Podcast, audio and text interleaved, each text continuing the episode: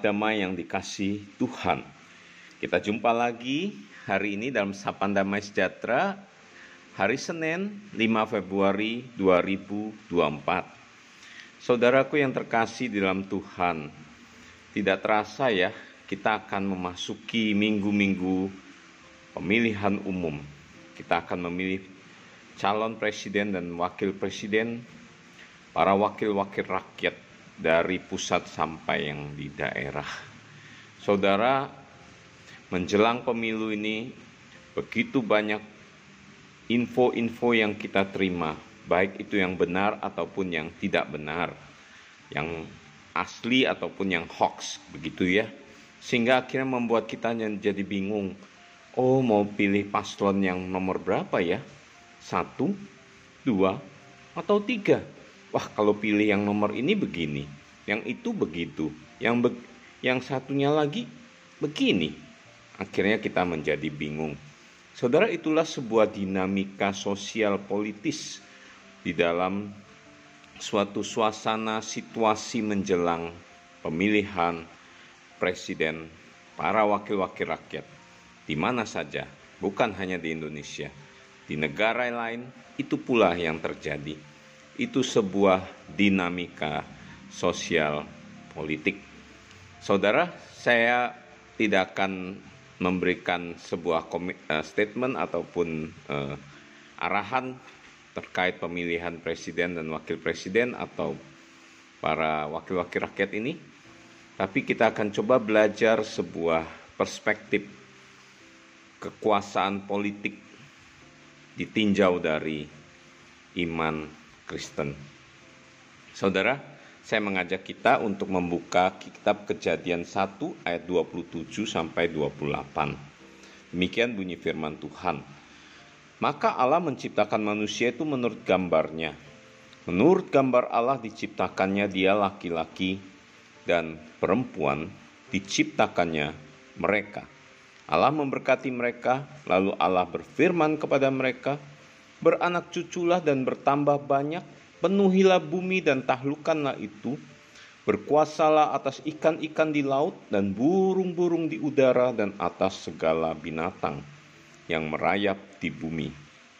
Saudara, firman Tuhan ini ditulis oleh Musa ketika dia memimpin bangsa Israel keluar dari uh, perbudakan di tanah Mesir ya, dalam sebuah situasi bangsa Israel sudah sekian ratus tahun di bawah penindasan eh, Raja Mesir, Firaun yang begitu sadis, begitu merendahkan bangsa Israel sehingga menjadi bangsa budak. Harkat dan martabat manusianya begitu rendah sebagai bangsa budak. Bahkan dalam strata sosial dia mereka berada di dalam sebuah strata sosial yang paling-paling bawah. Nah, Musa diinspirasi oleh roh Tuhan menuliskan bahwa manusia adalah ciptaan yang terakhir yang diciptakan Allah menurut gambar dan rupa Allah. Gambar dan rupa Allah, sebuah imago Dei, bahwa manusia adalah gambar dan rupa Allah.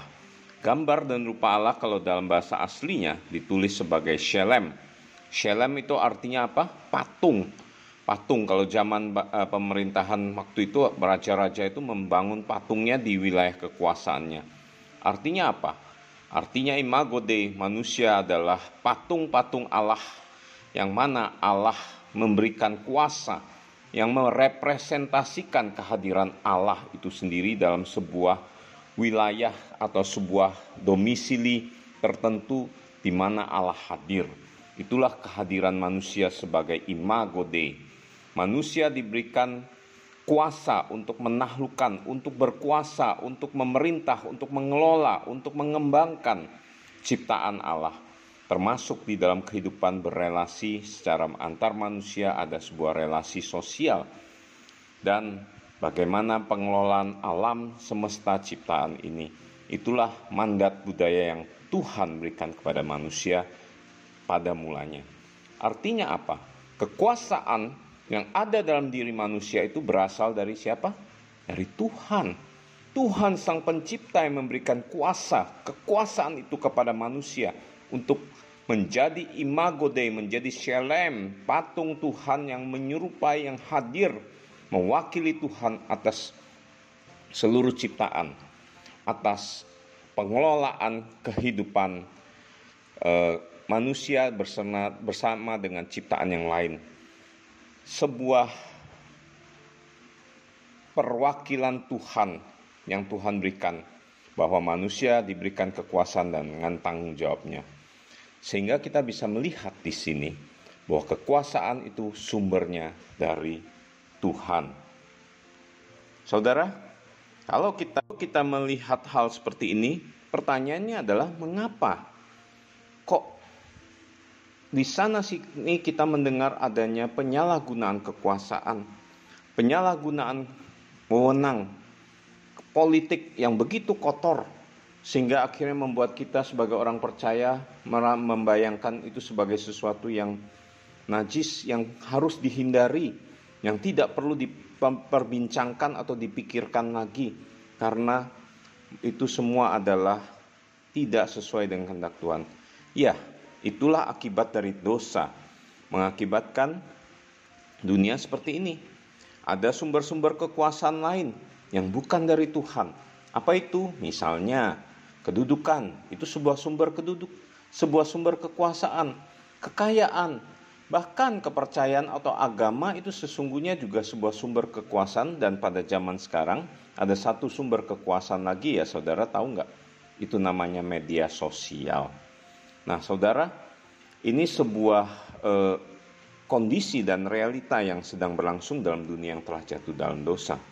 Lalu pertanyaannya, kalau kita menyoroti tentang agama, sebagai sebuah sumber kekuasaan. Apakah itu baik? Ya, pada dasarnya agama adalah anugerah Tuhan. Agama membawa sebuah worldview yang benar akan menjadi sebuah mantra sakti kalau diistilahkan ya. Yang mana melalui agama akan ada sebuah perubahan sosial yang baik pada dasarnya.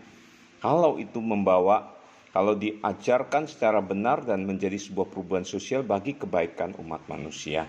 Karena apa? Kalau kita tarik kembali pada akarnya, bahwa manusia diberikan kekuasaan oleh Allah untuk mengelola bumi. Akan tetapi karena dosa segala sesuatunya menjadi kacau. Saudara seorang eh, teolog ya atau penulis yang bernama Max Weber ya berkata demikian bahwa sesungguhnya Calvinisme itu adalah sebuah asketis aktif. Apa maksudnya? Asketis itu adalah sebuah eh, kesederhanaan, mencari kembali Tuhan, berdiam di hadapan Tuhan namun sekaligus aktif gitu ya. Jadi aktif, aktif apa? Aktif di dalam segala aktivitas dunia ini. Jadi sesungguhnya ajaran Calvinisme yang mana kita percaya akibat dari reformasi itu membawa kita pada saat ini kepada pengajaran GKI juga ber, e, berkiblat atau bersandar kepada Calvinisme ini mengajarkan bahwa kita adalah asketis aktif, artinya kita harus ambil bagian di dalam dunia ini. Namun, agama yang kita pahami bisa menjadi seperti sebuah pisau yang tumpul. Tumpul apa? Tumpul artinya apa? Dia tidak membawa sebuah hal yang positif tapi malah negatif. Contoh, agama fundamental, fundamentalis yang mengajarkan tentang radikalisme yang berusaha menentang tentang perkembangan zaman, kehidupan yang makin modern dan sebagainya. Lalu kita dalam kehidupan bergereja juga memiliki sebuah pemahaman bahwa politik itu kotor. Ya, sudah dihindari yang tadi saya katakan. Tapi juga sekaligus sebenarnya dapat menjadi pisau yang sangat tajam. Itulah yang diharapkan, yang dituliskan oleh Max Weber, bahwa Calvinisme itu adalah sebuah asketis aktif. Bahwa kekristenan itu harus masuk ke dalam ruang publik Artinya apa? Sebagai orang percaya bahwa Yesus sudah datang ke dalam dunia dan dia mem memerintahkan meminta kepada para muridnya untuk menjadi terang bagi dunia ini, menjadi garam yang menggarami. Kita harus masuk ke arena publik kita. Kita harus merebut yang jahat, yang kotor itu untuk dipulihkan kembali, diputihkan untuk menjadi seperti yang Tuhan mau menjadi uh, kan kekuasaan yang Tuhan percayakan itu untuk apa? Untuk kebaikan bagi seluruh umat manusia ini. Seperti tadi yang dikatakan, kekuasaan berasal dari Tuhan, bahwa kekuasaan itu bukanlah sebuah tujuan akhir, tetapi kekuasaan yang dari Tuhan itu sebenarnya digunakan untuk sebuah kepentingan bagi seluruh orang banyak, bagi banyak orang dan bagi seluruh rakyat. Nah, saudara, di dalam situasi perpolitikan saat ini yang begitu gonjang-ganjing, dengan kita belajar tentang sebuah prinsip kekuasaan politik dari iman Kristen ini, kita belajar untuk kembali kepada firman Tuhan, dan biarlah setiap kita saat ini dengan hikmat bersandar pada Tuhan, memohon bijaksana dari Tuhan untuk mengambil bagian kita sebagai orang percaya. Satu, dalam suasana politik atau uh, kita akan uh, dan pemilu kita tidak boleh golput. Kita mengambil bagian kita untuk mencoblos, memilih untuk apa? Romo Magnis berkata, kita harus memilih untuk tidak membiarkan yang terburuk itu berkuasa. Kita harus mengambil bagian kita biarlah Tuhan bekerja dan kita memahami bahwa kekuasaan itu dari Tuhan.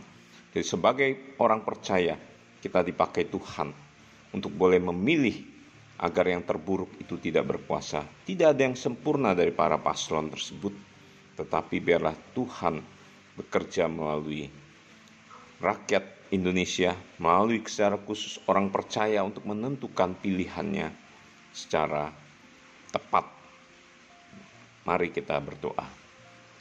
Tuhan terima kasih untuk renungan firman-Mu bahwa kami menyadari kami diberikan mandat kekuasaan untuk mengelola bumi, untuk mengatur, untuk berkuasa menaklukkan bumi ini, untuk boleh memerintah karena kami adalah imago Dei yang diciptakan menurut gambar dan rupa Allah yang menghadirkan menjadi wakil Allah di muka bumi ini. Tuhan biarlah sebagai orang percaya kami boleh penuh hikmat yang dari Tuhan melihat situasi dinamika politik, pergerakan sosial yang begitu cepat yang membuat kami kadang-kala bingung. Tuhan tolong tuntun kami secara khusus dalam minggu-minggu ini ke depan kami akan mencoblos biarlah dengan hikmat dari Tuhan kami memahami akan kehendak Tuhan bagi negara ini. Terpujilah Tuhan dalam nama Tuhan Yesus kami berdoa. Amin.